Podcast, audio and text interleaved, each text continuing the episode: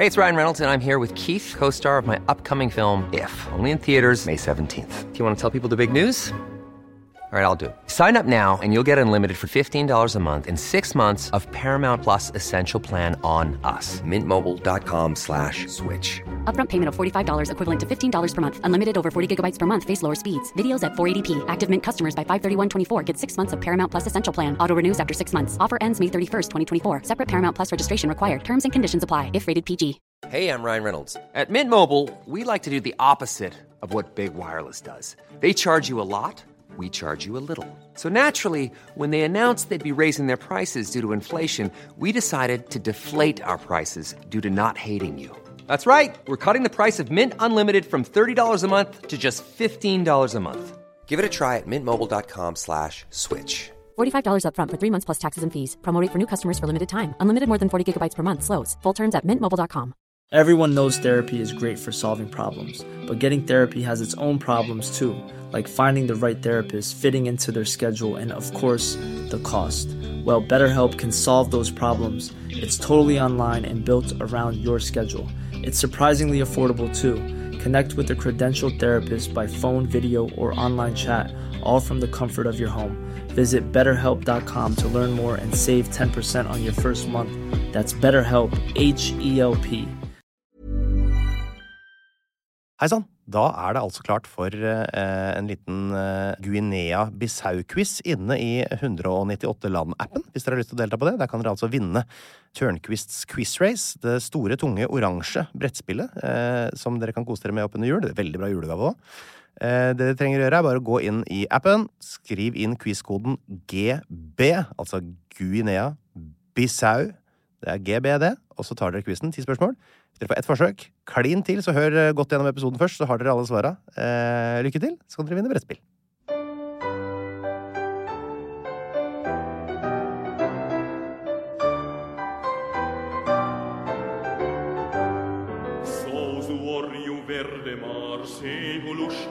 Esperança. Esta é a terra dos nossos avós, nossas mãos, da flor do nosso sangue. Esta é a nossa pátria amada. Kjære alle sammen, hjertelig velkommen til en ny episode av 198 land med meg, Einar Grønquist. Breddfull av 95 til 97% kvalitetssikra informasjon om et nytt land hver uke.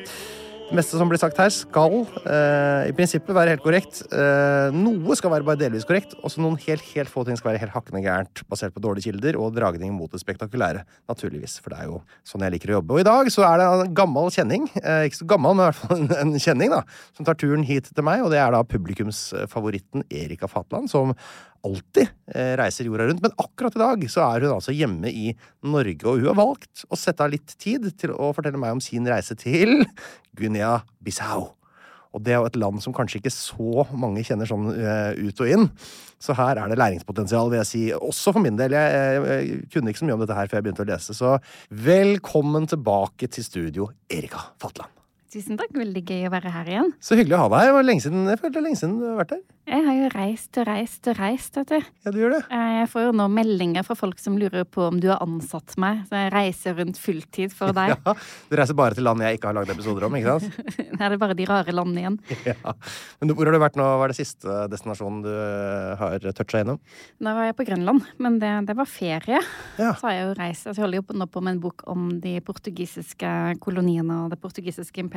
Ja. Så jeg har reist i alle tidligere kolonier. Jeg mangler nå bare Macau, som jeg skal til på nyttårsaften. Og det lille portugisiske eh, Las Vegas-Kina.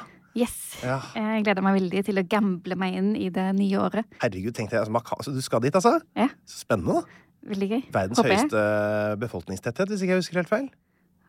Det kan sikkert stemme. Det ikke, jeg tror ikke du kan liksom uh, satse på at det er mye sånn turterreng. Men er ganske urbanisert. Du, eh, eh, det er altså Guinea-Bissau. Kan du begynne med? også? Er det Bissau man sier? Nei, det er Bissau, ja. Fordi at jeg tenker sånn portugisisk sjuang Bissau. Bissau. Er det vanskelig å komme seg inn i, i Guinea-Bissau?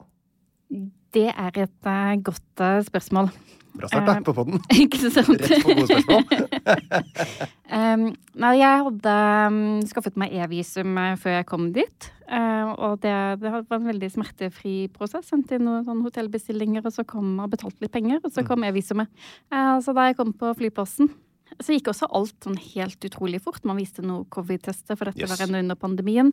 Og så var det bare få stempel i passet. Og så Mm. tenkte jeg ah, inne allerede, på rekordtid.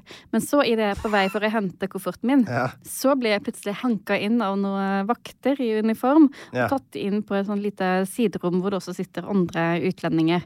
Oh. Eh, og da vil jeg passet mitt eh, og 85 euro eh, til visum.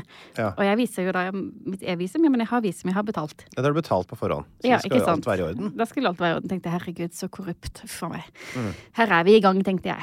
Men jeg tenkte jeg skal prøve å være tenkte jeg. Ikke betale noe unødvendig her. Mm. Så jeg viftet med dette e-visumet, og den ene etter den andre tok imot og, og gransket det med rynket panne og klødde seg i håret. og de, de innkalte litt mer erfarne grensevakter for å se på dette visumet mitt. Og de klødde seg i håret og sa men det er jo helt umulig, du kan jo ikke ha e-visum. Det slutta vi med for tre år siden. Og de slutta med e-visum. De har hatt det før, men nå er de ferdig med det. ja, Okay. Det er en eh, tilbakelagt, eh, et tilbakelagt Ferdig stadium. med internett her nå. Ja. Um, men jeg, jeg har jo kjøpt visum, så jeg ga meg ikke. Jeg ble ordentlig krangleboren kranglevoren og sikkert litt irriterende. Ja, ja. Helt til en av de andre medreisende. Altså, jeg må understreke at vi var virkelig ikke mange inne på dette visumkontoret. Fordi Guinea-Bissau er et av de minst besøkte landene i hele verden. Jeg tror det er 50 000 som besøker landet i løpet av et år. ja, det inkluderer vel folk fra naboland og sånn også, ikke sant? Ja, ja, ja. Ja. Det inkluderer alle. Så vestlige turister her begynner å bli ganske snaut. det er veldig snaut. Men det var en, eh, en vestlig reisende kledd i kaki fra topp til tå som tok eh, en titt på dette nå etter hvert ganske krøllete papiret mitt og sa han ja, men du har jo visum til uh, Guinea. Dette er Guinea-Bissau. Å oh, nei? Guinea er nabolandet. Det var veldig urutinert av deg, da. På feil land. Det, veldig, det var så pinlig. Ja. Og jeg bare ja, hvor mye penger var det du skulle ha igjen? Ja. 85 euro. Ja, ja vær, vær så god. Herlighet. Så du, altså, du var rett og slett uh, klumsa det til på nett? Jeg hadde visum til Guinea, som da ofte kalles Guinea-Conakry, Ja, nabolandet, og, og var da på flyplassen i Guinea-Bissau. Og heldigvis så fikk man da visum ved ankomst. Ja. Tenkte man ikke kunne få det. Ja, for det er ikke alltid du kan få. Nei, og da hadde jeg hatt eh, store problemer. Det hadde vel vært snakk om noen dollars, tenker jeg, så skulle det vel ordna seg. Eh, det er Eller jeg hadde blitt sendt ut igjen med det neste fly, som gud vet når det gikk. Ja, og det er ganske lenge til, antageligvis. Har du vært, fikk du dratt til Guinea, da? Nei, jeg kom aldri så langt. Ah, Men jeg kom meg inn i Guinea-Bissau da, etter denne fryktelig dårlige starten på oppholdet. Men så er det sånn at når man først er inne i Guinea-Bissau, regner jeg med, så er det vel et velsmurt maskineri hvor alt eh, Man kan i, i praksis bare lene seg tilbake og nyte turen på første klasse. Ja, det er bare å bestille Uber. Nei da. Um, altså, turen til hotellet gikk jo ganske fint, for jeg hadde bestilt at noen skulle komme og hente meg. Ja. Og så kjørte vi da opp en asfaltert gate. Og det, Jeg liker at du det var understreker veldig mye, veldig mye trafikkork. Uh, og det fikk jeg da forklaringen på, for dette var den eneste asfalterte gaten i hele landet. Ja, sier du det? Så den en... var jo da veldig populær. Og der var det veldig mye taxier. Fordi Ja. de har nesten ikke privatbiler i dette landet. Det er basert på taxier. Er det det? Er, det, er, det, er, er prisene gode, da? Det Ja, ja, det er kjempebillig å ta taxi, men du får ikke taxien for deg selv. Så det kommer jo ramlende inn eh, nye passasjerer mens Mm. du sitter der. Og det var en dame som slengte til meg en baby før hun hoppa inn selv. Eh, Så det var ganske interessant å ta eh, kollektivtransport der, men man kan bare glemme å få noe, sånn, noe for seg selv. Noe eksklusivt. Altså, da, da blir du jo kjent med folk og Ja, bortsett Sånn, fra at eh, det er jo ingen som snakker engelsk, og portugisisk er det offisielle språket. Mm. Det er bare 2% som har portugisisk som morsmål, oh, ja. og ca. en tredjedel snakker det sånn noenlunde. Og alle de andre snakker da kriol, som blanding av portugisisk og, og andre språk, Mm. eller bare andre lokale språk. Å nei. Ja, ok, så vi er allerede Vi har allerede rista oss sydenturistene, merker jeg. Vi, eh, vi går rett og slett bare til, til faktaboksen, og så setter vi i gang med å pumpe løs med fakta. Flor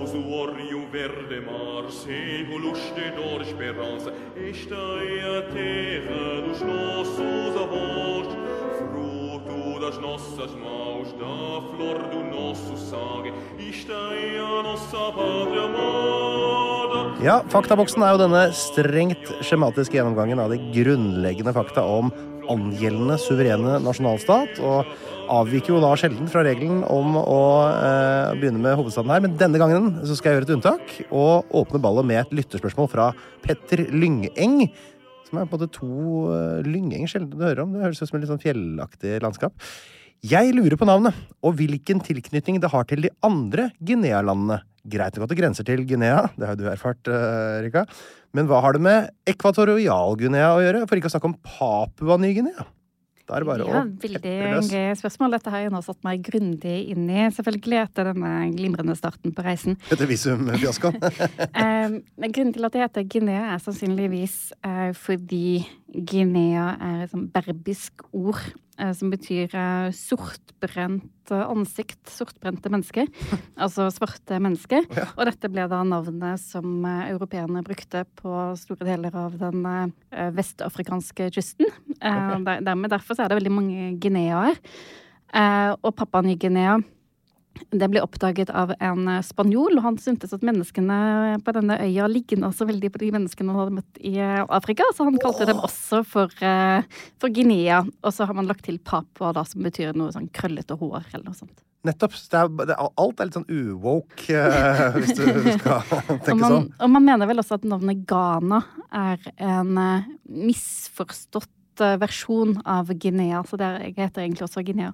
Ja, nettopp. Ghana er også litt i samme eh, greia der. Men hva med sånn som for eksempel Guyana da, i eh, Sør-Amerika? Det blir vel kanskje Nei, det er noe Noe annet. Det er et uh, Det er noe helt annet. Det er noe helt annet. Det er et indiansk ord brukt av de lokale som jeg ikke helt husker hva betyr, men det har ikke noe med sortbrente mennesker å gjøre. Nettopp. Nei, det, det, jeg vet faktisk hva det betyr, for det står at det betyr 'land of many waters'. Betyr Guyana på et eller annet lokalt språk der. Da regner jeg med at fransk Guyana betyr da fransk 'land of many waters'. Ok, men da, da har vi i hvert fall fått svart på Petter Lyngengs spørsmål. Det er en bra start, det. Da tar vi hovedstaden. Bissau. Eh, og det, man har jo da lagt til Bissau i landenavnet Guinea-Bissau for at man ikke skal blande det med Guinea Mm. eh, og komme med feil visum. Ja, ikke sant? Det er jo det samme som måte, man gjør det til en viss grad i, i Kongo-ene også, med Kongo Kinshasa og Kongo eh, Brazzaville. Men der er det jo republikken Kongo, den demokratiske republikken Kongo, som er de riktige angivelsene. Men her er det altså Guinea-Bissau med hovedstaden Bissau, som antas å ha ca. 500 000-600 000 innbyggere, eller? Det er vel mye gjetting? Noe sånt, Det er vel ca. to millioner i hele landet. Ja, ja, så det er såpass mange som bor i hovedstaden, da. Storbyfølelse der, eller? ja, når man går i den eh, ene asfalterte gaten, så er det jo et yrende liv. Ja. Men er, det liksom, er, den, er den gata på en måte av en sånn karakter at det er liksom fete butikker langs med promenaden og Det er veldig mye butikker, men de fleste av disse butikkene består jo bare av én person som har lasta utrolig mye varer på seg. Å ja, Og på det er, seg? Det er mye bæ... Ja, sånn menneskelige butikker her. Og de selger alt mulig, du får kjøpt alt mulig. Uh, men det er ikke så mange Det var ikke noe kjøpesenter der, så vidt jeg kunne se. Så det du sier, er at det egentlig det er eh, altså Langs gata så er det, er det bare bolighus og sånn, og så står det folk foran og selger eh, tinga sine? Eller butikktinga sine? Det er ikke sånn at du har Apple Store og Hense så ikke noe Apple Store. Så hele, hele hovedstaden består jo for det meste av gamle portugisiske bygninger. Mm. Eh, som nå står der i varierende grad av eh, forfall. Mm. Og ting forfaller jo ganske fort ofte i varme, fuktige land. Eh, og så har de bygget helt utrolig lite nytt etter 1974. Ja, riktig, for det er et, et skjellsettende år, kan man vel si, i Guinea-Bissaus historie. Da ble de eh, selvstendige etter å ha kriget mot portugiserne siden begynnelsen på 60-tallet. Mm. Det skal vi også tilbake til. Skal vi snakke litt om eh, enkelte og visse krigshelter derfra, tenker jeg, etter hvert. Som eh, vi kanskje eh, har godt av å lære litt mer om i, i Vesten. Eh, vi kan ta innbyggertall, vi. Ja, det nevnte jeg nettopp, men vi kan ta en liten repetisjon. det. Det er strengt skjematisk, dette her. To millioner cirka. Man, man vet jo ikke helt, men det er det, man, det er det som er estimert. Det er estimert også en befolkningsvekst på 25% fra 2011 til 2021. Du verden. Men alt dette er jo estimater, så det er vanskelig å si. Det er jo, hver kvinne føder jo da i snitt over fire barn. Eh, så det er en ung befolkning, regner jeg med. Det var, så ikke så mye gamle folk, kanskje? Eh, Nei, for det er ikke så mange som blir så gamle. Ja. Eh, Gjennomsnittlig levealder er vel litt under 60 år. Ja, Så det er en veldig, veldig, veldig ung befolkning. riktig. Eh, over 60% er under 25, så, så, så det, det har du selvfølgelig helt rett i. Eh, valuta i Guinea-Bissau? Ja, det er av en eller annen grunn eh, vestafrikanske frang, som Mm. da forkortes også av en eller annen grunn XOF. Ja, er det det? Ja. XOF. Ja, og jeg husker ikke helt hva det står for. Jeg tror ikke det går så veldig mange av dem. Det Jeg tror du må ha 57 av dem for å fylle ei krone, i hvert fall. Ja, Så- vi ligger ganske lavt i kurs. Men eh, altså Guinea, som var Fransk-Guinea, som da var en fransk koloni, Mm. de bruker ikke vestafrikanske franc, så vidt jeg vet, men de bruker det da i Guinea-Bissau, som var portugisisk, og jeg vet ikke hvorfor. Men de tar i hvert fall mot euro, for du har kjøpt visumet ditt. Det vet du alt om. Hvilke land grenser Guinea-Bissau til? Ja, vi grenser jo da til eh, Guinea, eh, også kjent som Guinea-Conakry, eh, Ja. og til Senegal. Til Senegal, rett og slett, som er vel kanskje det mest berømte av de tre landene. God i fotball, det hjelper jo mye. Er Guinea-Bissau større eller mindre enn Norge? Det er vel litt mindre enn Trøndelag. Ja, vet du hva, det er faktisk litt Jeg har regna på det der. Det er 36 130 kvadratkilometer. Ca. 9,4% av Norges størrelse. Det er litt mindre enn Nordland fylke. Uten at det er noen påfallende likheter sånn utover det. Det er da altså det 148. største landet i verden for de som liker å rangere. Men det du Jeg vet ikke, det tar vel kanskje litt Hvis det er én asfaltert vei, så, så trenger du kanskje ikke at landet er så veldig stort for å bruke litt tid på å komme seg rundt. Nei, det tar evigheter å reise rundt der. Altså, det, det er er et land egentlig uten infrastruktur. Det er litt likt Nordland, altså. Mange påfallende likheter når jeg tenker meg om. Ja. Eh, Det, det, er, Altså, når du sier uten infrastruktur det er et mareritt å, Ja. å reise rundt der. Um, jeg var der i tørre årstiden, Mm. eh, og da er det jo mulig å reise rundt der, ellers blir jo veiene til gjørme. Problemet i den tørre årstiden er jo da at eh, det er så utrolig mye støv på disse veiene. Mm. Er ikke alltid et veldig stort problem, for det er jo så lite trafikk at du møter jo ikke alltid motgående trafikk. Men når du gjør det, så blir det jo Så jeg kom jo frem til steder og hadde skiftet farge. Du blir dekket av et sånn rødlig støv. Ja, og Det er ikke fordi du kjørte kabriolet? på en måte? Nei, for de har jo ikke aircondition i eh, disse bilene. Altså alle sånn tyske minibusser og varebiler og sånt. Ja. Når de dør, eh, så gjenoppstår de og får et nytt, kanskje tredje eller fjerde liv. Fordi jeg går ut fra at de, ikke Guinea-Bissau er første destinasjon. uh, Da gjenoppstår de i Guinea-Bissau Ja. og, og lever et langt og ikke veldig lykkelig liv der. Godt beskrevet. Nei, så nettopp. Det er støvete uh, og ufremkommelig. Det er eh, kort oppsummert. Så hele sånn, transportsystemet baserer seg på eh, grusomme minibusser eh, uten støtdemping. oh, ja. eh, Hvor de da putter inn så mange mennesker som overhodet mulig. Og så må du stadig vekk bytte minibuss da, for å komme eh, dit du skal. Hvis du er så heldig å finne en minibuss. Veldig mange av de stedene jeg skulle, så var eneste mulige transportmiddel det var eh, motorsykler. Eh, og fikk ofte bare tak i én. Altså, Så da var det meg og min tolk og en sjåfør på samme motorsykkel gjennom eh, bushen på sånn sandete, jæklig underlag. Å ja, herregud. Men er det ikke er det, altså, Du må sitte bakpå motorsykkel? Ja. Dette her kan ikke UD eh, anbefale på det aller varmeste, vel? Nei, jeg vil ikke anbefale det, jeg heller. Jeg har faktisk med meg et minne, et varig minne fra Guinea-Bissau, fra en sånn eh, motorsykkeltur hvor det gikk galt. Så mitt, mitt eh, tips til eh, folk som nå sitter her og tenker at åh, Guinea-Bissau, for et sted, dit må jeg dra. Hei til dere, forresten. Jeg fikk jo veldig mange spørsmål etter Georgia og Sao Tomé-episoden, så jeg regner med at det blir et rush nå også. Ja, det vil jeg tro. Um, så alle dere der ute som nå sitter og ser på flybilletter til Bissau, Mhm. uh, hva dere enn gjør, ikke planlegge noe sånn reiseetapper på søndager. For okay. da er alle dritings. På søndager? Ja, det er fridag. Ja. Er det ikke da, er man ikke fri, er, I Norge er det også fridag på søndag, men det er jo mange som er edru på søndag. Før. eh, det, det var de ikke i Guinea-Bissau, iallfall. Um, søndag var liksom dagen hvor du går på stranda og tar med deg noen dunker uh, palmevin og koser deg. Yes. Og gjerne også litt gin. De er veldig glad i gin. Så koselig. Ja. Det, det husker jeg det var på Cuba også jeg var der. Jeg var på en søndag, Da sto folk ute og bada. Som så sto de og drakk øl, og så kasta de flaskene fra seg i vannet. Så, så bada de med.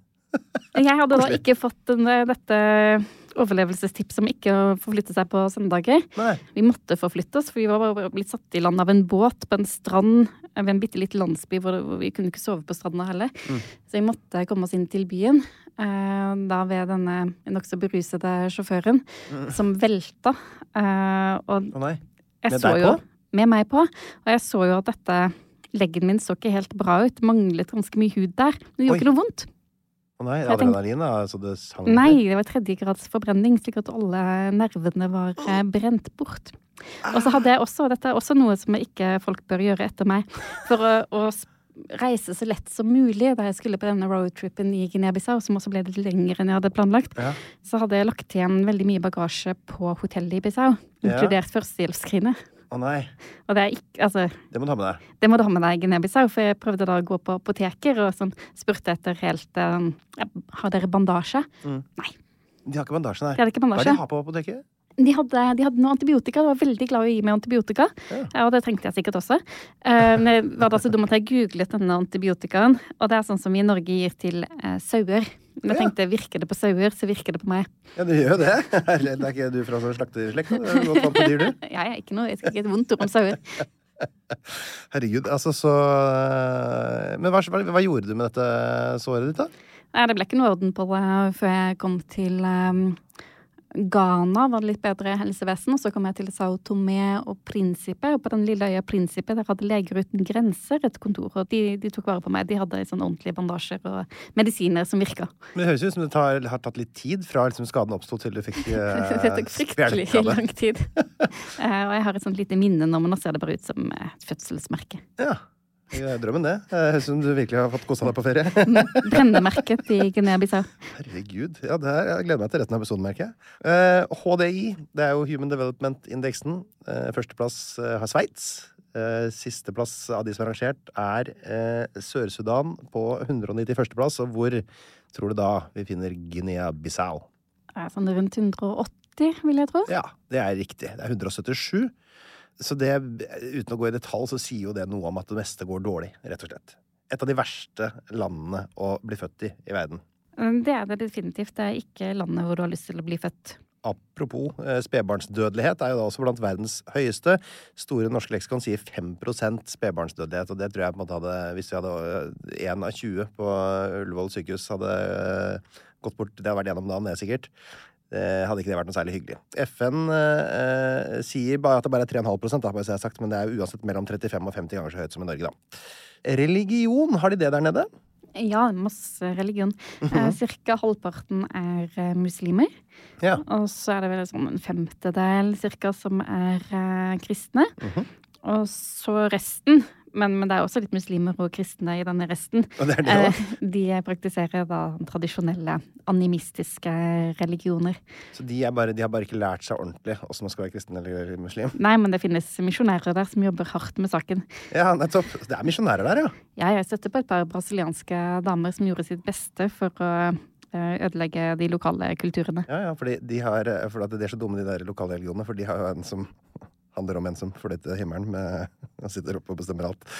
Vi skal til eh, eh, demonym. Der er det for en gangs skyld litt moro. Altså innbyggernavnet. For dette her, hva kaller man en fra Guinea-Bissau? Ja, det lurte jeg også litt på. Ja. Jeg tror man bare sier guineenser, men det er jo veldig upresist, da. Det er faktisk bissau-guineaner. Er det det?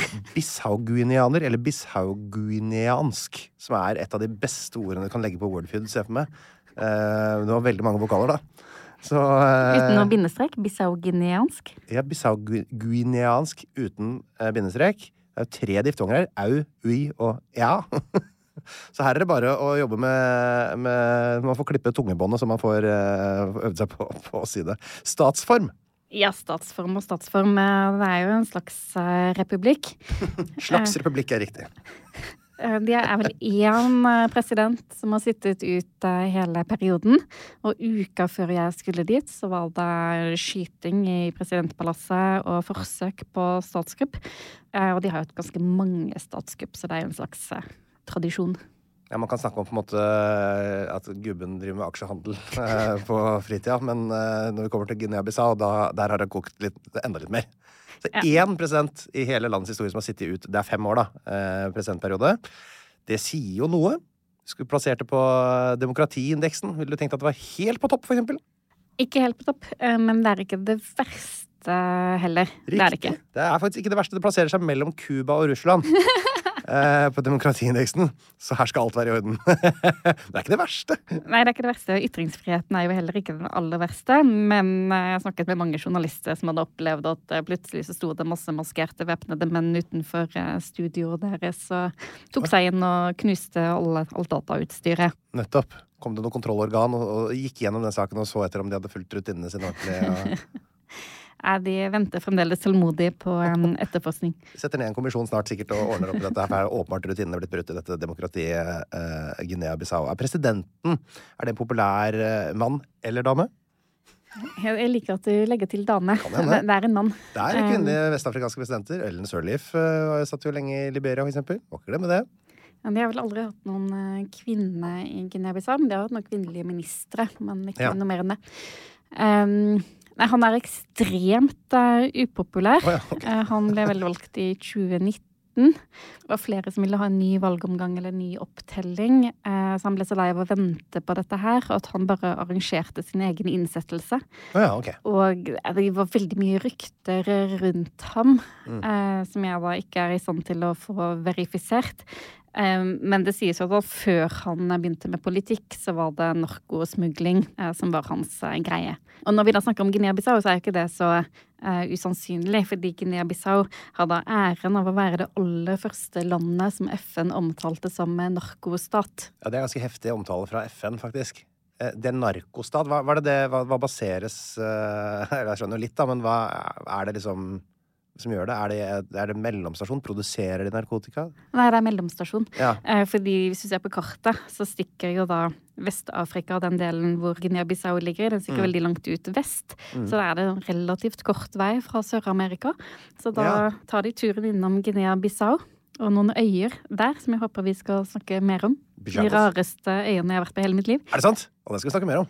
Eh, og så eh, på en eller annen måte så kommer da kokainen, det er vel hovedsakelig kokain, Ja. så videre derfra til eh, Nord-Europa, eller til Europa i det hele tatt. Så det, men det, dette blir ikke motarbeida i særlig grad, da, siden FN omtaler eh, staten som narkostat? Nei, altså Mest sannsynlig så går dette veldig høyt opp, kanskje helt opp til presidenten. Og det, Ja. det finnes jo, det vet man, sånn hemmelige landingsbaner inne i jungelen og sånt. Og jeg fikk også streng beskjed om at eh, da jeg var ute på disse rare øyene, Bijagush mm. eh, så for- hvis man da ser noe pakke liggende alene forlatt i, i jungelen, Da er du rik. løp! Ok. eh, offisielt språk. Det blir vel eh, ganske åpenbart når eh, konseptet med reisen var å dra til det portugisiskspråklige. Men, det- men som du sier, det er ikke alle som snakker portugisisk. Det er nesten ingen. Nei. Cirka en tredjedel. De skal jo da i prinsippet ha lært portugisisk på skolen. Mhm. Men det er bare det er ikke så veldig mange som går på skole. Nei. Jeg lurer på om det er godt under en tredjedel som fullfører grunnskolen, og den er bare seks år. Ok, så det, det Ja, nettopp. Ja, det sier jo ganske mye. Det er også en del av HDI, da. Så der har du på en måte noe av grunnen til at at Ja, At det da jeg var der, så hadde jo da skolene, de offentlige skolene hadde vært stengt i eh, fire år. de offentlige skolene hadde vært stengt i fire år. På grunn av, eh, jeg tenkte sånn, er det pandemien, men jeg fikk det ikke helt til å gå opp sånn tidsmessig. Men det var eh, på grunn av streik. Skolestreik. Så læreren hadde streiket i fire år. Da er det jo ofte pga. lønn, da. Ja, eh, og mange av dem hadde jo ikke fått lønn på ganske lenge også. Og nå streiket de jo, så nå fikk de i hvert fall ikke lønn. Nei. Men det levner jo veldig lite håp for neste generasjon. Veldig lite håp for neste generasjon. Ok, eh, Høyeste topp. Det er jo alltid koselig å snakke om, da. Den kan ikke være veldig høy, Nei, den kan ikke fordi her er et veldig, veldig flott eh, land. Det er veld, altså det er et veldig flott land. Men det er altså Monte Torin. Så jeg er ikke helt sikker på navnet der, men det er altså 262 meter over havet. Og det er en sånn type topp som det faktisk, hvis du googler det, så kommer det ingen bilder. Det er bare masse forskjellige typer bilder. Du får aldri liksom se hvordan det ser ut, for det er antagelig såpass lite spektakulært. Det er vel bare noe buskas og noe rør. Er liksom, jeg klarte ikke å finne et ordentlig bilde av det. Det skiller seg vel neppe ut fra den øvrige geografien i noen særlig grad. Så for de da som har lyst til å bestige den toppen. Flagg, det har de jo. Ja, det har flagg. Som er uten at vi skal rekkefølgen på det, gult og rødt og eh, grønt med noe stjerne, svart stjerne inni der. Jeg Stemmer kan beskrive, jeg har skrevet det ned, så jeg kan beskrive det per, sånn helt en mye bedre måte. Perfekt. Ja, men du sa alle fargene riktig. Det er to horisontale striper av gult og grønt, og en vertikal rød stripe med en svart stjerne i. Gult representerer savannen i nord, grønn skogene i sør, og rødt representerer som i alle land kampen for uavhengighet. Og stjerna, den representerer folket i Afrika. Så der har du den. Kilde Britannica. Så der eh, la jeg med den òg, jeg. Da kan vi eh, dundre litt eh, videre til Jeg skal ta litt om historien, da. Litt kort om historien. Ja, vi må nesten det. Ja. Sous o Rio Verde Mar, séculos de dor esperança, esta é a terra dos nossos avós, fruto das nossas mãos, da flor do nosso sangue, esta é a nossa pátria amada. Hey, it's Ryan Reynolds, and I'm here with Keith, co star of my upcoming film, If, only in theaters, May 17th. Do you want to tell people the big news? All right, I'll do it. Sign up now and you'll get unlimited for $15 a month in six months of Paramount Plus Essential Plan on us. Mintmobile.com slash switch. Upfront payment of $45 equivalent to $15 per month. Unlimited over 40 gigabytes per month. Face lower speeds. Videos at 480p. Active Mint customers by 531.24 get six months of Paramount Plus Essential Plan. Auto renews after six months. Offer ends May 31st, 2024. Separate Paramount Plus registration required. Terms and conditions apply if rated PG. Everyone knows therapy is great for solving problems, but getting therapy has its own problems too, like finding the right therapist, fitting into their schedule, and of course, the cost. Well, BetterHelp can solve those problems. It's totally online and built around your schedule. It's surprisingly affordable too. Connect with a credentialed therapist by phone, video, or online chat, all from the comfort of your home. Visit betterhelp.com to learn more and save 10% on your first month. That's BetterHelp, H E L P. Burrow is a furniture company known for timeless design and thoughtful construction, and free shipping, and that extends to their outdoor collection. Their outdoor furniture is built to withstand the elements, featuring rust-proof stainless steel hardware, weather-ready teak, and quick-dry foam cushions. For Memorial Day, get 15% off your Burrow purchase at burrow.com slash ACAST and up to 25% off outdoor. That's up to 25% off outdoor furniture at burrow.com Sous Verde Mar, séculos de dor esperança, esta é a terra dos nossos avós, fruto das nossas mãos, da flor do nosso sangue, esta é a nossa pátria amada. Velkommen til historiespalten, Erika. Det skjer jo ikke noe som vi skal gå veldig i detalj på før vi kommer til 1400-tallet. Portugiserne kommer. De var vel da på jakt etter eh, slaver? Eh, Ja, nei, ikke helt til å begynne med, for de hadde ikke helt kommet på dette med slaver ennå. Eh, Så til å begynne med så så de vel etter ting de kunne handle med. De lette vel etter gull, Ja. eh, og det fant de også. Guinea ble jo også kalt for gullkysten. Å ja, er det det som ble kalt for Gullkysten? Ja, litt lenger ned også, men eh, dette området her, de kalte jo store deler av Vest-Afrika for Guinea. Eh, og så er det da altså fra 1500-tallet og etter hvert, da eh, Det er noen 400 år her omtrent, hvor da eh, Guinea-Bissau også da etter hvert blir et slags sentrum pga. sin beliggenhet for den eh, transatlantiske slavehandelen. Eh, det er jo 15 millioner afrikanere som blir kidnappa og utnytta til slaveri gjennom den prosessen der, og Guinea-Bissau var jo Det var et av eh, hovedutfartsårene, hvis Ja. man kan snakke om det. Eh, og noe som det ikke snakkes veldig mye om, er jo at altså Portugal er jo desidert det landet i Europa som eksporterte flest slaver fra Afrika over til Amerika. Mm. Mye, mye mer enn en til Nord-Amerika, til USA. Mm. Eh, og da skulle man kanskje tro at de da hadde et eh, stort slavemonument eh, i, sentralt i Lisboa Ja. for å ja, dyrke sin dårlige samvittighet. Nei. Nei. Det har de ikke, altså? Ikke det. De har vært noen tegninger, de har hatt noen planer om å få opp et ganske lite et. Eh, men det er ikke på plass ennå. Nettopp. Og det blir jo litt sånn sørgelig når du måte tenker på I Turkmenistan så har de liksom et stort gullstatue av bikkja til presidenten. Så det, der har du Ja, det er prioritering. Um, er det liksom noe spor av slavedriften i Guinea-Bissau? Er det noe gamle slavefort eller sånne mm, som du så? Altså, eller monumenter eller sånt noe? Ja, det er et eh, gammelt slavefort, Kasheo, Cacheo. em, som står igjen.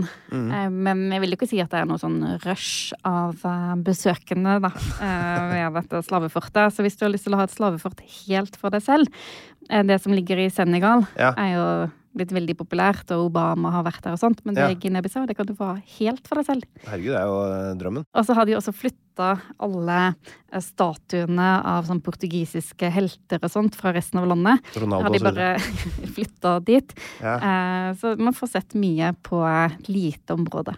Nettopp. Er det, er, det, er, det, er det noe de snakker om og er opptatt av, da, sånn der, eller var det, fikk du inntrykk av at det var andre ting som brant mer? Det er så mye som går så galt i eh, Guinea-Bissau, og de har jo også en veldig ung befolkning, så det er ikke sånn at folk går rundt og tenker så mye på portugiserne, for det er ikke så mange som husker dem. Nei. Eh, så folk har mer enn nok med, eh, med å overleve, egentlig. Altså, Sjøl om portugiserne herja lenge der, så var det jo ikke da før i 1879 at de eh, erklærte Guinea-Bissau som en portugisisk koloni. Eh, de hadde da eh, blitt etablert altså Det var både franske og, og britiske handelsstasjoner i området. Og portugiserne de var jo da egentlig mest opptatt av å begrense de andre europeernes innflytelse, så de oppretta da i 1687 så opprettet de en, en handelsstasjon i Bissau som i da 1941 tok over som hovedstad. For det var altså en annen hovedstad før det. Husker du hva den uh, het for noe? Bolama. Ja! uh, og jeg var der, og den ligger, var der. Var var dit jeg skulle da jeg var på denne forferdelige Fordi du dro eh, skoldet og skadd? Han ble skoldet og skadd. Ja. Eh, og eh, Bolama ligger da på en øy, Mhm. eh, så den var jo ganske kjekk, tror jeg, for portugiserne. Fordi de hadde jo ikke helt kontroll over hele resten av landet, selv om de kalte det for en koloni. Så da hadde de iallfall kontroll over hovedstaden som lå på en øy.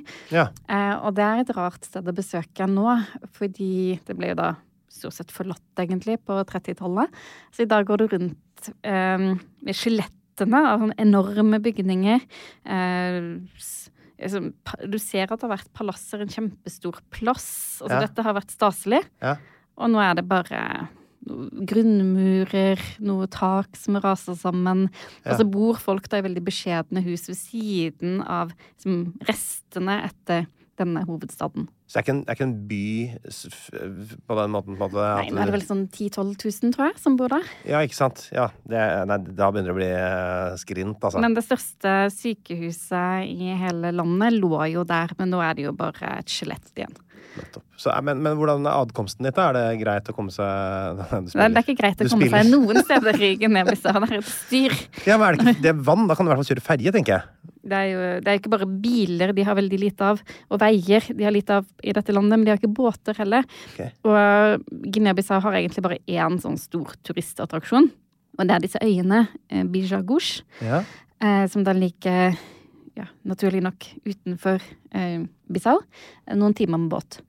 Og de, det er som, ser ut som Bahamas. Eh, Mener du det? Er det, så, er det sånn Det er veldig eh, vakkert. ok, Eh. Lave eh, øyer med så veldig grønne, og så Mm. med sånn kritthvite, fantastisk vakre strender.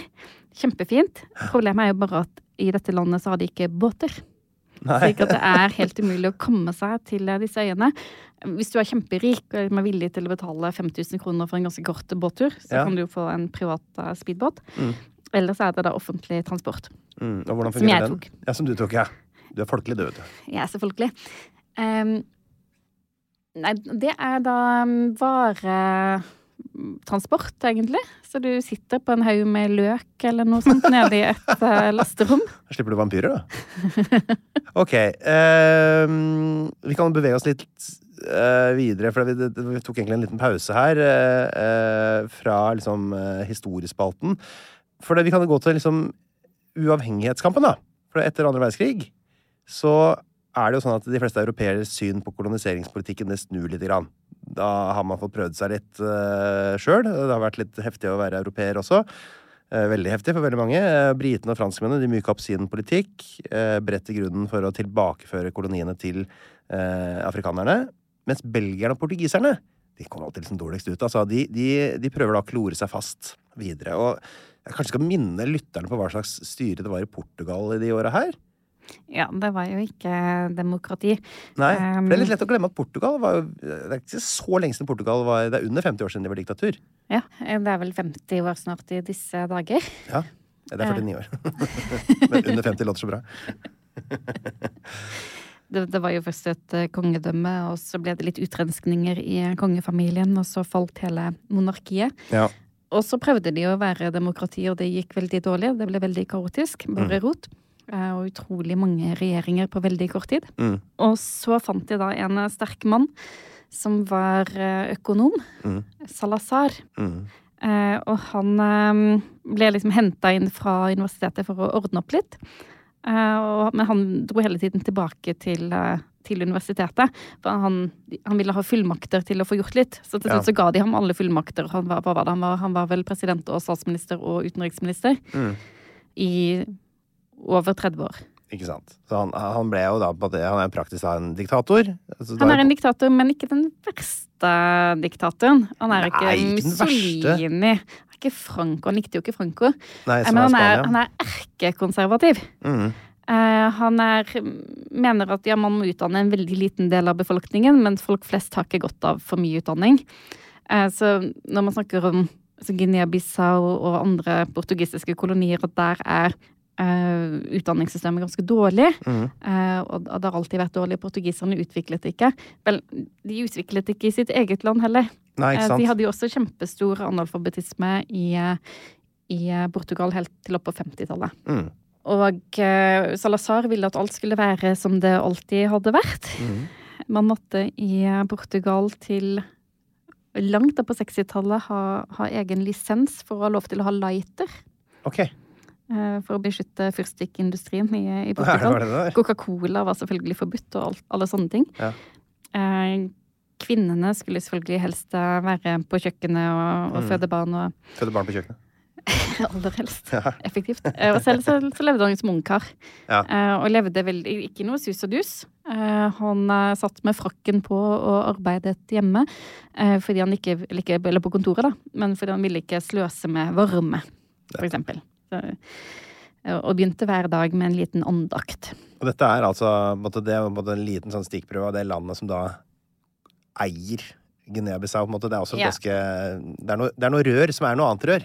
Ja, ikke sant? For han ville jo da selvfølgelig ikke gi slipp på koloniene. Nei. Eh, Men det man da gjorde, var å slutte å kalle dem kolonier, og så ble de eh, sånn oversjøiske territorier i Mm. stedet. Mm. Så i prinsippet så var det Portugal og alt sammen.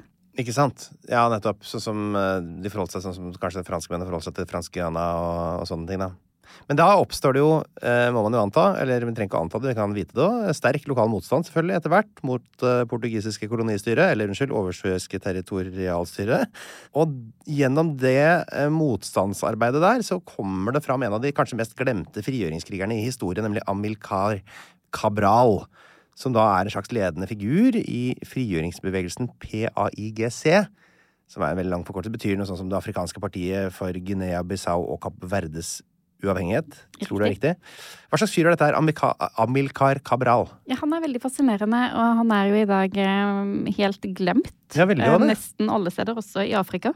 Men han er, han er egentlig der oppe med eh, Nelson Mandela. Mm. Eh, han eh, har eh, foreldre fra Kapp Verde, Mm. eh, men er født i, i Guinea-Bissau, eller da portugisisk Guinea, som det het. Mm. Eh, og så er han eh, ganske gløgg og har en mor. Altså, faren får en ny kone, og han vokser opp med sin mor. Mm. Og eh, lev, lever veldig kummerlig og fattig. Men han får utdanning, og etter hvert stipend, han blir sendt til Lisboa og får utdanning der. Mm. Og der så oppdager han jo eh, andre afrikanere som tenker tanker rundt selvstendighet for de Mm. andre koloniene. Eller oversjøiske territoriene. Ja. Eh, og så begynner han en, eh, en selvstendighetsbevegelse for da Kapp Verde og Guinea-Bissau. Mm. Jeg har mø- har møtt mange som har jobbet tett på Amilcar Cabral. Mm. Eh, og alle har bare pent å si om ham. Som om han må ha vært en veldig karismatisk eh, eh, person. Ja. Eh, detaljstyrende, men med gode tanker. Um, Eh, så veldig sosialistiske tanker. Og, og allierte seg jo da også med eh, Sovjetunionen og Cuba. Så de Mm. sendte jo utrolig mye folk til, eh, til Sovjetunionen og Cuba for utdanning. Ja. Um, ikke bare militær opptrening, de fikk jo det også. Men han eh, var veldig klar på at eh, når vi blir selvstendige, så må vi ha folk med kompetanse. Så han tenkte veldig langsiktig, og Mm. sørget for å få folk utdannet innen pedagogikk eh, som lærere, ingeniører osv. osv. Ja. De hadde jo ikke utdannede folk i Guinea-Bissau på dette tidspunktet. Og, og det finnes noen men ganske få verker med hans tanker og taler, og han er virkelig en interessant person å, å sette seg inn i disse tankene. Eh, dessverre så ble han eh, drept i, før Guinea-Bissau ble selvstendig, Ja, rett før, vel? Året før? Omtrent. Ja, 1973. Ja. Så året før. Så han ble drept av en eh, misfornøyd sånn PAIGC-veteran, så vidt jeg har forstått. Som skjøt den i Conakry sånn utenfor sitt hjem. Altså i nabolandet. Ja, for de ledet jo da hele uavhengighetsbevegelsen ble styrt fra Konakry i nabolandet. Mm.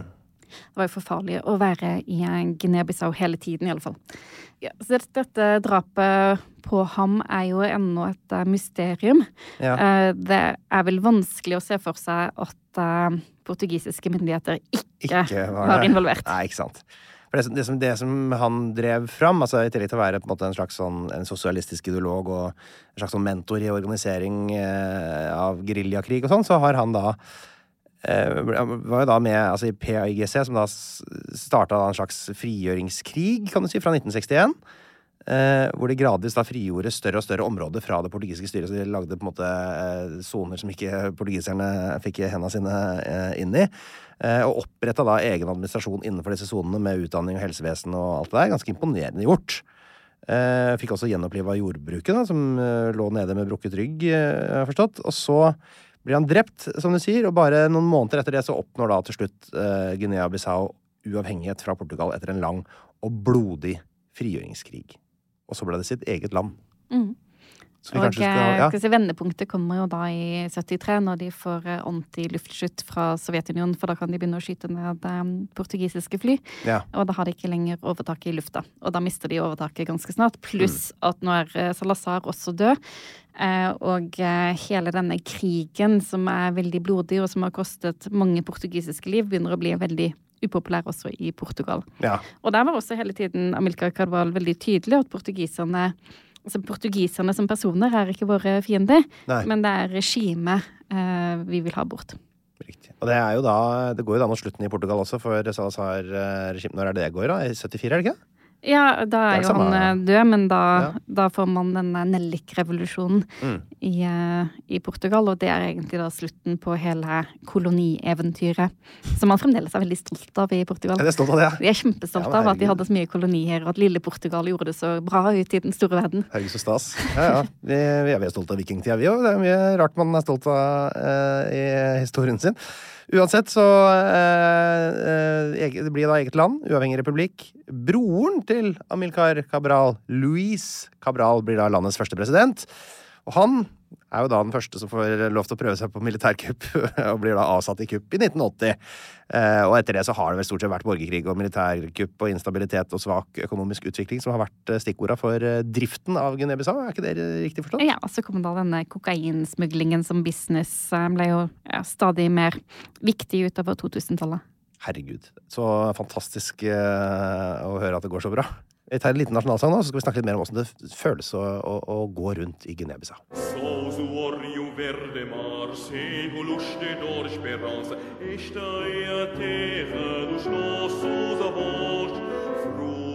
Das nossas mãos, da flor do nosso sangue, esta é a nossa pátria amada. Velkommen tilbake fra nasjonalsangen. Takk, takk, takk. Den er da ganske fin. ja, ikke dum. Eh, vi må jo snakke litt om hvordan det er eh, å være, eller hvordan du hadde det på ferie. Jeg kaller det ferie. Hvis du må reise, så er det ferie.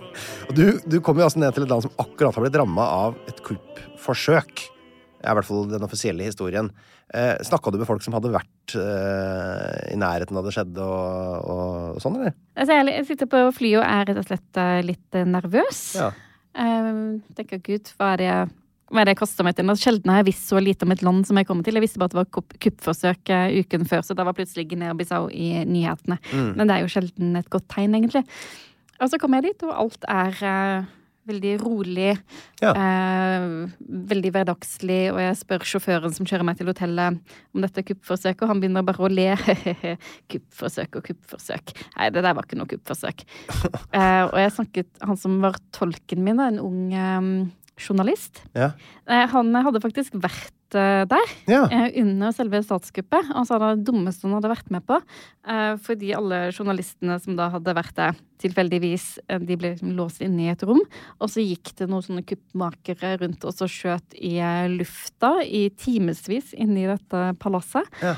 Um, det var jo noen som ble drept, så det, det var blodig alvor for så vidt, men det var ingen politiker eller presidenten ble heller ikke drept. Det var noe sånn sjåfører og vakter Ja. eh, som, som eh, strøk med. Hyggelig Eh, for familie, og dere. eh, marinen og militæret, og alle disse institusjonene som skulle beskytte eh, presidenten, de befant seg jo i gangavstand fra palasset. Okay. Det var ingen som møtte opp. Så teorien til alle jeg møtte i Guinea-Bissau, det var at dette var iscenesatt, hele kuppet var iscenesatt av denne upopulære presidenten eh, for at han skulle få sympati og støtte fra nabolandene. Å ja, ok. Så det, var, det er en slags konspirasjonsteori, da. Ja, og Om dette stemmer eller ikke, det kan jo ikke jeg vite, men det var hva absolutt alle sa. Fikk du sånn følelse at det var plausibelt? At det, dette kunne være riktig? Ja, egentlig, For eh, det var mye som var rart med dette kuppforsøket. Ikke sant? Eh, og eh, presidenten så var veldig smilende og, glad på pressekonferansen eh, like etterpå. Det virka ikke som han var så veldig sånn Han så eh, ikke veldig berørt ut. skjelven og Herregud, dette gikk akkurat, Men folk liksom. oppfører seg jo rart når de er i sjokk, da, så ikke vet jeg. Ja, det pleier jeg også å si eh, hvis jeg gjør noe dumt. jeg er i sjokk, sier jeg. Ok, så eh, Men altså, ja, eh, så jeg prøver jo i boken også å skrive litt om eh, politikk og det politiske liv i Guinea-Bissau, og oppsummere litt sånn hva som har skjedd under de tidligere kuppforsøkene og sånt. Mm. Um, det var en utfordring å prøve prøve å skjønne seg på det politiske livet i Guinea-Bissau, for det er surrete. Ja, riktig. Det er rotete. Hva skal boka di hete, forresten? Det må du kanskje si, da, så folk får eh, anledning til å lete. Ja, ja, eh, den skal hete Sjøfareren. Ja. Etter da Henrik eh, Sjøfareren.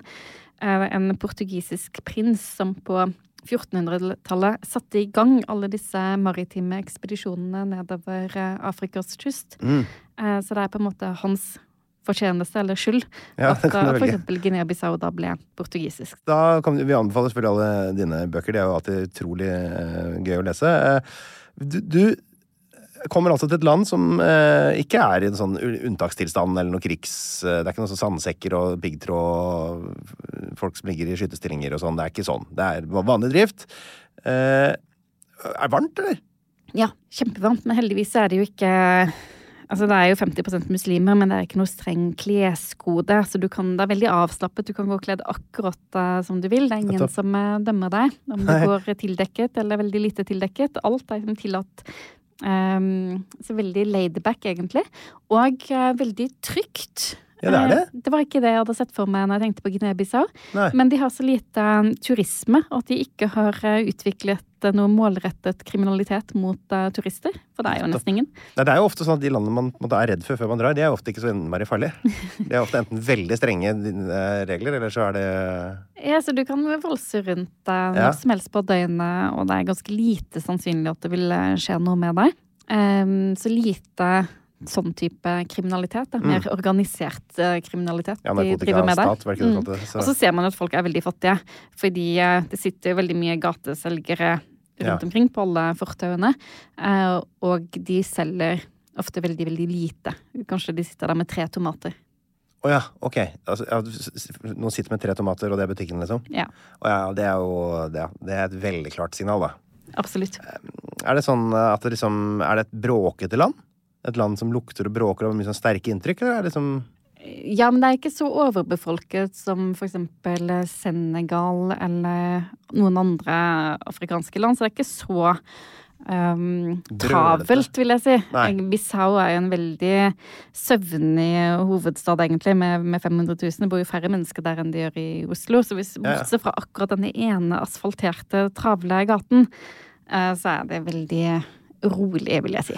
Var, eh, du nevnte at, eh, at det ikke er noe infrastruktur. Er det likevel trafikkert, eller er det bare at eh, kan man gå liksom sånn cirka som man vil i veien og surre? I veien? Jeg vet ikke, er det liksom Hvis det bare er én asfaltvei, så Eh, Det er trafikk i, altså i Bissau, i hovedstaden, men det er nesten bare taxier. Blå og gule taxier. Hovedsakelig blå, som er ganske sånn slitne biler som kjører rundt. Mm. Eh, og disse taxiene eh, er da sånn slags kollektivtaxier. Ja. Så de bare fylles opp med mennesker som skal eh, hit og dit. Det er disse afrikanske variantene hvor man kjører Du kan hoppe på en sånn eh, Toyota Hiace eller hva det er for noe, som kjører i én retning, og så kan du hoppe av i det krysset eh, hvor det kommer noen som går en annen vei, og så står du og venter på den, og så er det sånn man beveger Nei, seg rundt? han kjører, kjører deg dit du skal. Ah, det? okay. Eh, bare at han kjører de andre som er i bilen, også dit du skal. Ja. Så, ja. Du får være med dit alle skal. Du får være med dit alle skal, så sånn sett så får du sett uh, mye. Det er så irriterende å være den ene som bor langt ute på det der neset. Men nesten ikke noe privatbilisme. Nei, nettopp. Um, aldri sett så lite privatbiler i hele mitt liv. Du har jo vært i Nord-Korea, har du ikke? Det var flere der. Nei, du kødder! Det går ikke an! Jo. Å, herregud, det har jo bare tre tall på skiltet. Har de noe go- god mat og drikke som du kan anbefale på det varmeste? Når folk skal ta det bisauguinianske kjøkken eh, nærmere i ettersyn? Nei, jeg vil, det er kanskje ikke et land du drar til pga. maten, men de har noe som er ganske godt. Um, de har veldig mye østers, og disse Åh! østersene tørker de. Så de blir litt sånn læraktige Nei, og salte. æsj! Fy fader, det hørtes helt forferdelig ut. Ja, så, altså blander de disse tørkede østersene da i sånn risretter. Jaha, Eh, og det, det er ganske godt. ja, ok. Jeg var der jo under pandemien, og det var ganske morsomt, fordi noen steder så var det eh, munnbindpåbud. Mm. eh, Og jeg ble bøtelagt fordi jeg ikke hadde på meg munnbind. Det var en sånn, en sånn liten stripe da som politiet hadde stålkontroll på. Så akkurat på den stripa der så måtte du ha munnbind. Eh, Men ellers så var det jo ganske laidback sånn smittevernmessig. Eh, Så det er afrikansk eh, African style med at eh, alle spiser av samme boller med samme skje. Ja, Og alle drikker av samme krus uten munnbind. Folk brukte jo munnbind, men det var mer for å beskytte seg mot veistøv. Oh, ja, ja, for det kan jo faktisk ha en funksjon, det. Selvfølgelig. Men det er jo eh, det, mange av disse afrikanske landene slapp jo relativt eh, billig unna akkurat dette med pandemien, ettersom vi var så unge befolkninger. Det er de eldre som fikk lide mest under eh, pandemien denne gangen. Eh, er det en sydendestinasjon i det hele tatt, dette her? Det er bare nei, nei, nei, det, eller? Jeg vil si de har potensial på disse øyene. Ja, Bijagosh. Men jeg, jeg tenker at uh, tiden er kanskje ikke helt moden. Nei. Det virka som en litt sånn strabasiøs greie å sitte i seks timer på løk med familien min. Det virker ikke som noe jeg har lyst til sånn For å si det sånn, jeg har ingen, ingen planer om å dra tilbake. Du må ikke være så negativ. Eh, Alle landene er flotte. Hva kan du si om eh, bisaguenianerne som folk, da? Er, er det liksom en Er det en eh, mangefasettert gjeng, da? Med mange forskjellige på en måte slag Ja, og det er vanskelig å sette dem i en bås, fordi det er, det er mange forskjellige språk, det er mange forskjellige etniske grupper. Selv om Ja. det er et veldig lite land, egentlig. Man skal jo Eh. ikke sette folk i bås, men jeg elsker å gjøre det. Eh, Og de 50% som er muslimer, for eksempel, lever jo ganske annerledes enn de som er kristne. Ja. Um, Er det gjestfrie folk, da? Som man har, det er liksom parodien på sånne litt fattige land. Sier at de er så innmari gjestfrie og blide og positive og sånn. Er det den følelsen du får, eller er det sånn russisk og strengt? Nei, jeg vil si det. Folk er mye mer gjestfrie i Russland, faktisk. Eller det kan ikke sammenlignes med gjestfriheten Nei. du møter i Sentral-Asia eller, eller Kaukasus. Si Folk kommer ikke ikke og tilbyr deg så mye som et glass vann, men de er veldig opptatt av at man som hvit person Mm. eh, For jeg følte meg jo veldig hvit da jeg reiste rundt der. Jeg, Ja. var jo, altså jeg er jo også er veldig hvit, og jeg er helt, jeg er helt utrolig bleik. Jeg er ganske bleik sjøl, jeg. Jeg er på grensen til albino. Ja, helt samme her. Um, jeg ble jo bare kalt uh, branco, som betyr hvit. Ja. Uh, Ja, det ble, det. det ble navnet mitt. Men du slo ikke rasismekortet på den, da? Men som hvit, da, så er de veldig opptatt av at man skal ha en stol. Så uansett hvor jeg var eh, Bare jeg gikk av motorsykkelen for å strekke litt på beina i en landsby, så kom de løpende bort til meg med en plaststol. Ja. Og selv eh, politifolkene som skulle bøtelegge meg fordi jeg ikke hadde hatt på meg hjelm på motorsykkelen, og de, det, det er jo faktisk også påbudt, da. Ja, okay. Eh, men de, de fant uansett alltid en grunn til å gi meg en bot. Ja. De fant også en stol til meg, så jeg kunne sitte behagelig mens jeg fikk bot. Så det, ja. Det- så det er en slags høflig eller en slags sånn gjestfrihetsutslag, da? Det er ikke en sånn Ja, De er veldig opptatt av at man skal ha stol. Um, jeg, jeg sa jo flere ganger at jeg kan gå og sitte på gulvet, for man føler seg så litt teit da, når man selv sitter, er den eneste som sitter på stol, mens alle de andre sitter på gulvet. Men Ja, det det var er sånn, akkurat det du prøver å unngå på, på ferie. Liksom å skille deg sånn veldig ut. men de var ikke til å rikke. Altså, jeg skilte meg jo ut uh, uansett, da. Det var ikke til å unngå. Nei. Nei, det er jo ikke ofte Det er ikke så, det er ikke så lett å liksom gli helt inn som eh, hvit uh, i, i de landene der helt uten turisme. Jeg har ikke noen flere egentlig sånn punkter på det der. Da sier vi bare at vi tar rett og slett spalten Jøss.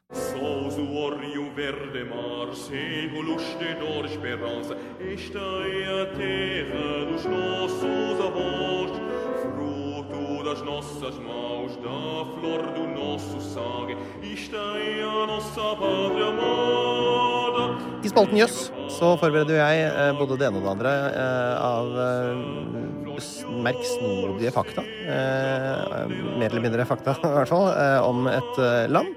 Og jeg kan fortelle deg som følger, i håp om at du skal utbasunere jøss. Eh, og det er som følger. Befolkningen i Guinea-Bissau er blant de minst sigarettrøykende i verden.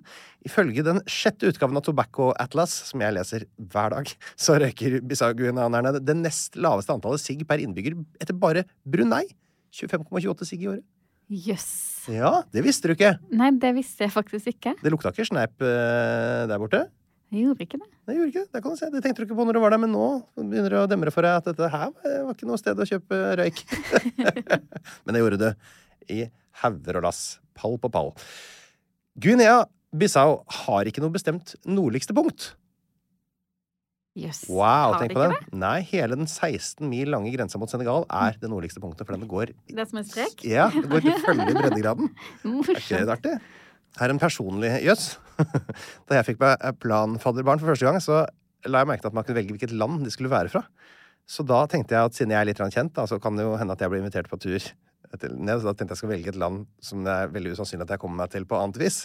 Og da valgte jeg eh, fadderbarn fra et fra Øst-Timor og et fra Guinea-Bissau.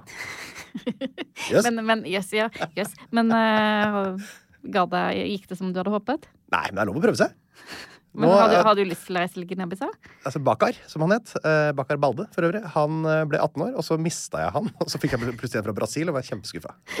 Men jeg kunne ikke bytte henne heller, da. Så nå må jeg sitte, sitter fast med en fra Brasil. Men Øst-Timor, da? Østemor har jeg fortsatt. Ja da. Så det, Så der er det eh, håp? Der er det håp. Det er liksom litt lettere å komme seg til Østimor eh, tror jeg. Ja, Øst-Timor er veldig bra. Ja. Jeg hadde ikke noen forventninger til Øst-Timor. Nei. Eh, Men det kan jeg anbefale. Sier du det? Mye fint å si om Øst-Timor. Wow. Høres ut som en ny episode. Det er Absolutt. bare å begynne å planlegge det. I 2020 så døde nesten 1000 kritisk truede hettegribber av masseforgiftning i Guinea-Bissau etter at de fikk i seg stryknin, som ble brukt til å kontrollere villhundpopulasjonen. Huff da. Dette var jo ikke noe jeg som var var skal ikke trist. le av det, men det var bare så utrolig. En fiasko. så tusen stykker. Ja, nei, det var en fiasko. Det er fortsatt noen igjen, da. Eh, Det er ikke helt utrydda, men huff a meg. Guinea-Bissau er ett av 27 land som ikke har noen UNESCO-sites. Nei, nei, det er mørkt. Det er, Men, men de har jo det UNESCO-biosfære. Har Ja. de jo på Bijagosøyene. Riktig. Men det er ikke på en måte Ja, det, det har de jo, da. Så det er ikke så mye kultur, men de har eh, natur. De har natur, og de har jo noen dyr og sånn, eh, disse saltvannsflodhestene. Og de har veldig mye grønne skilpadder, for Mhm. eksempel, der ute. Som jo er eh, eh, flott, da. Så det er jo mye fint å se der. Jeg føler jeg har veldig behov for å si fine ting, for vi har sagt altså, så mye sånn derre vært så negative til Guinea-Bissau. Ja, vi er kanskje litt slemme mot eh, Guinea-Bissau. Så man har jo disse skilpaddene. Eh, men hvis man bare kommer seg til disse øyene, så er det mye fint å se der. Ja. Men det er jo det å komme seg dit, da. Det kanskje, kanskje det beste er å bare eh, reise med, kjøpe seg sitt eget skip og reise ned. Ja, det kan jeg anbefale, tror jeg. Det, da sier vi det sånn. Hvis du skal på jordomseiling, så ta en tur innom. I 2020 så hadde Guinea-Bissau en periode med to presidenter og to statsministre. Eh, For etter omstridte valg så ble vinneren Umaro Sissoko Embalo sverget inn som ny president, som utnevnte sin statsminister, mens det nåværende da, parlamentet samtidig utnevnte en rivaliserende midlertidig president med sin statsminister. Ja, det var han som eh, han Embalor som eh, hadde sin egen innsettelsesseremoni, for han ble så lei av å, å vente på at dette skulle bli offisielt. Så Ja. bare tok saken i egne hender. Herregud, det er jo eh, trikset, det. Få Ja, ting gjort. inviterte masse sånne eh, kokainsmuglere og folk som er etterlyst av amerikanske myndigheter og sånt eh, til denne festen. Herregud, så for en vakker historie. ja, det er rørende. Det er jo, For de som liker en god innsettelsesseremoni, kan jeg anbefale episoden om Den sentralafrikanske republikk til seinere. Fordi kystområdene er så flate, Erika, og lave, Erika, så er det vanskelig å avgjøre hva som er øyer og fastland noen steder, ettersom mange av øyene kun er øyer når det er høyvann. Yes. Tenk på det. Da kan du løpe ut og bli sittende fast, så må du vente. Så du løpe tilbake igjen. Det Eller var planlegge litt, da. ja, du, altså, Men alt løser seg med litt god planlegging. Og det er jo eh, denne podkasten et godt eksempel på, uten at jeg klarer helt å Jeg bare prøver å få setningen til å henge sammen her. Da, Erika, tror jeg vi eh, Vi har egentlig brukt opp tida vår nå. Kanskje vi skal spare lytterspørsmål? Lage en liten sånn 15 minutter med lytterspørsmål til, eh, som vi kan slippe om noen dager. Så har vi en liten ekstra episode. En liten teaser. Vi sparer den. Så kan de som har sendt inn spørsmål, i hvert fall høre på den. da. De gleder de seg sikkert fælt. Tusen takk for at du kom, eh, Erika. Takk for meg. Plan B. Planning for your next trip?